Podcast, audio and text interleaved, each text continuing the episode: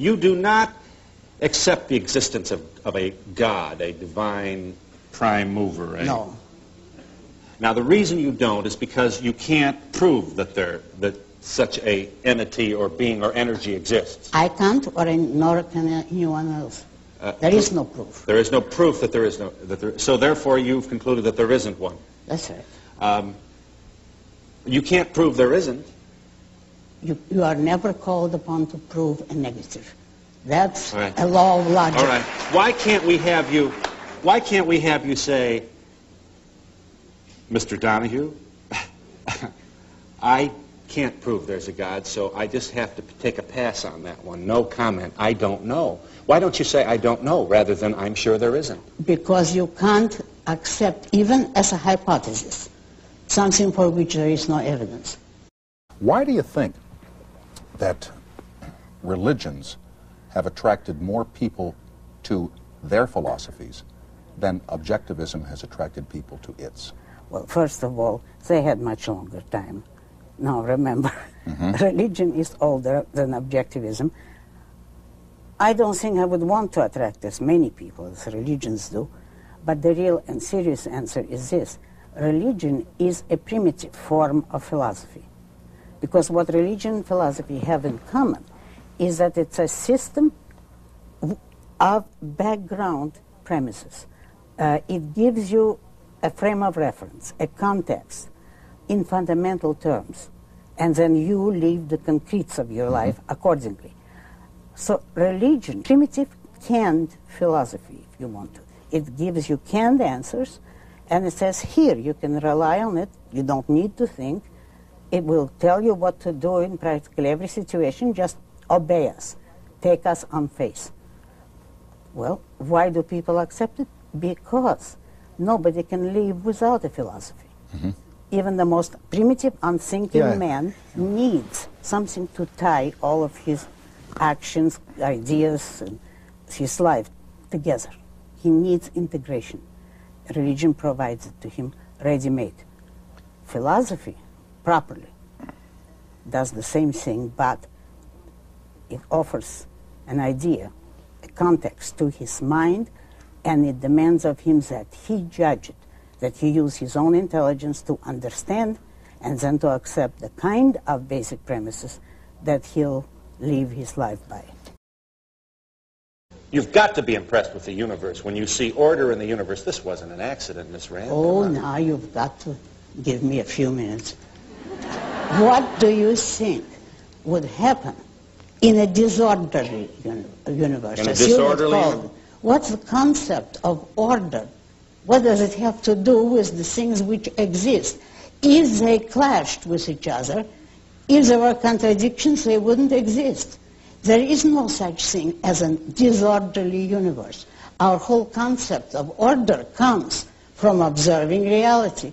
And reality has to be orderly because it's the standard of what exists. Right. The- So, the, contradictions cannot exist. okay, so we have an orderly universe because it's impossible to have a disorderly universe. I got right. that. I understood that. Fine. Do you understand what a breakthrough that is? That I understood that. Oh, All right, now, ex- having accepted that, okay, having accepted that, I still don't understand why you just, why can't you just leave the door open? Why do you have to be so unforgiving and so final and so, don't talk to me about it, you can't prove it, and anybody who goes around believing it is wasting time. The real issue here, as far as man is concerned, is that when you accept All right. such an important issue as the creation of the universe, Yes. on faith, you're destroying your confidence and the validity of your own mind. It has to be either reason or faith.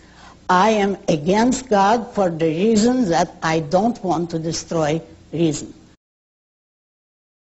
In my youth, I was well schooled in religious doctrine, and I would not for a second say to you that I now believe in it as dogmatically as I did when I was a young person and had it taught to me by rote. All right?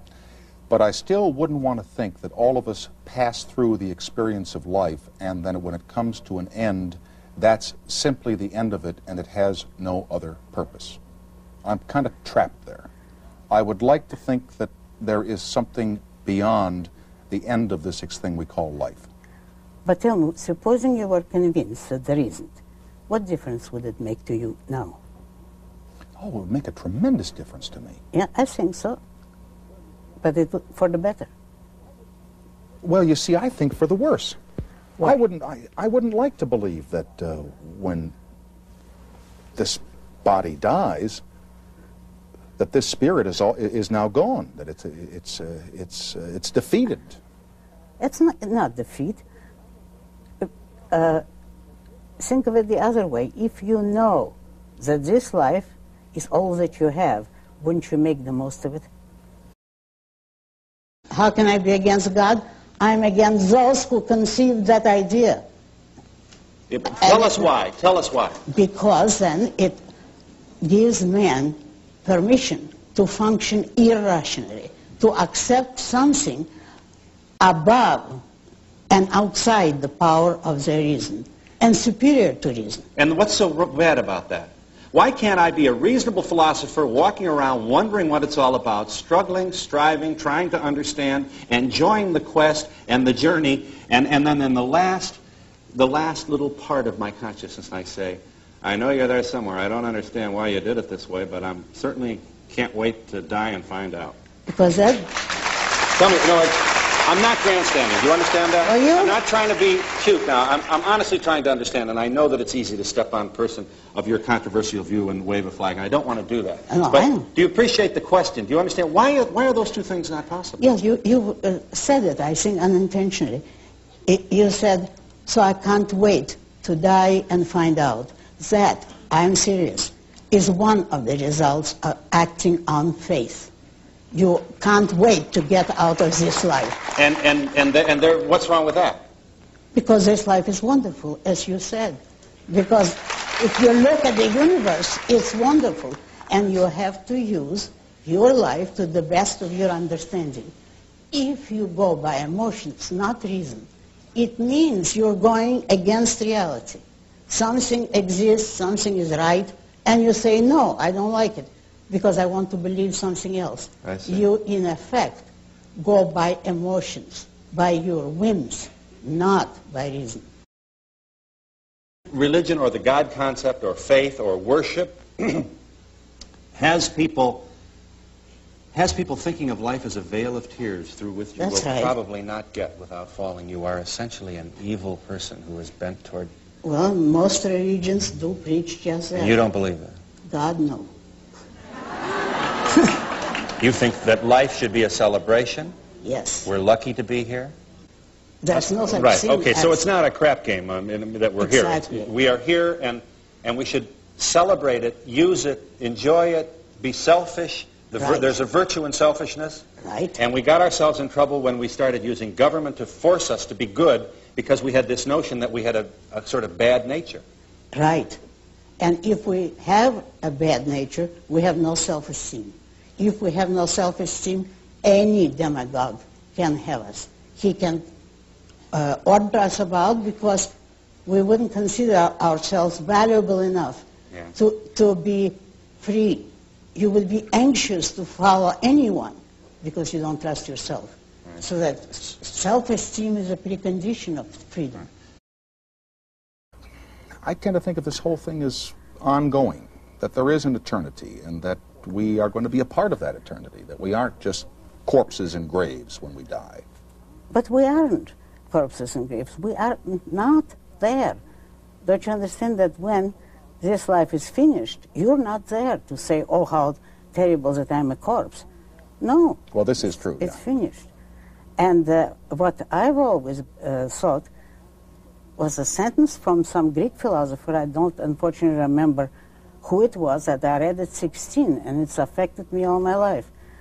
I will not die. It's the world that will end. And that's absolutely true. And you know, for me now, it should be a serious question because my time is fairly limited, and I have the same feeling that I will enjoy life to the last moment. And when it's the end, I don't have to worry about it. I'm not there. It's too bad that the world will end, and I think a very wonderful world will end with me. But I've had my time. I can't complain. Ayn Rand does not fear death, does she? No. Only the death of someone I love, but not my own.